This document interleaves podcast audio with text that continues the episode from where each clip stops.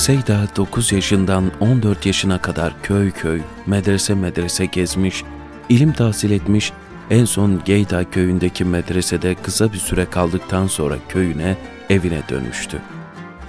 O kışı evinde geçirecekti. Bahara doğru bir rüya gördü. Kıyamet kopmuş, insanlar yeniden dirilmişti. O hengamede Peygamber Efendimiz sallallahu aleyhi ve sellemi nasıl görebilirim diye düşünürken, Sırat Köprüsü'nün başına gidip beklemek aklına geldi.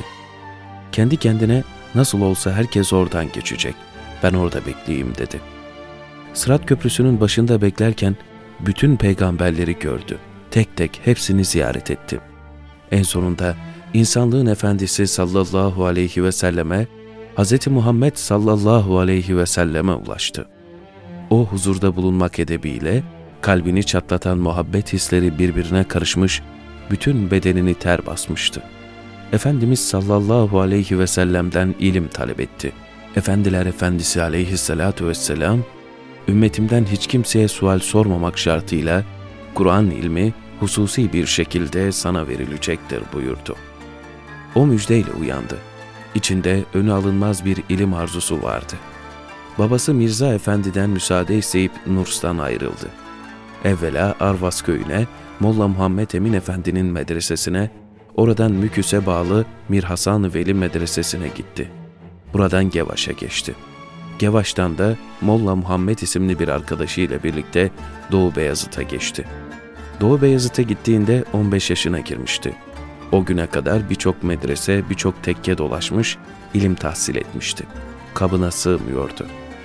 Fakat Şeyh Muhammed Celali Efendi'nin medresesi onun için içindeki dalgaların bir nebze teskin olduğu, sükunetli bir liman, farklı bir pencere oldu. Medrese vadilere, ovalara hakim bir tepenin üzerinde, İshak Paşa Sarayı'nın yanındaydı. Seyda, insanın ufkunu açan o türlü yerlerden oldu olası hoşlanır, ibadet ve tefekkür için hep öyle yerleri tercih ederdi. Kalbin zümrüt tepelerinde dolaşan insan, tabiatın da şahikalarında geziniyordu. Celali Hazretlerini de, medresesini de çok sevmişti.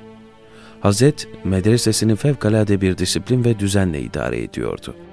Kendisini aşmış bir insandı. İlmi, ameli, tevazu, talebenin gönlünde taht kurmasına yetiyor, talebeleri isteyerek kurallara uyduruyordu. Molla Said kendisine gösterilen odada kalmaya başladı. Talebelerle birlikte oturuyor, onların arasında yaşıyordu.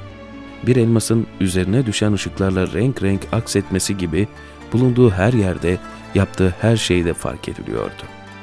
Oturması, kalkması ve hatta bakması bile farklıydı.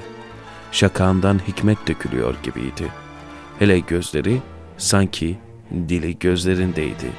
Gözleriyle konuşuyordu. Şeyh Celali Hazretleri Molla Said'i görür görmez anlamıştı. O başkaydı. Hali, kabiliyeti bunu söylüyordu. Kader yoluna su serperse zaman buna şehadet edecekti. Molla Said'in eline aldığı kitabın birkaç sayfasına bakması yetiyordu. Hele şerhleri, izahları okumaya hiç gerek duymuyordu. İlme, bilgiye susamış gibiydi.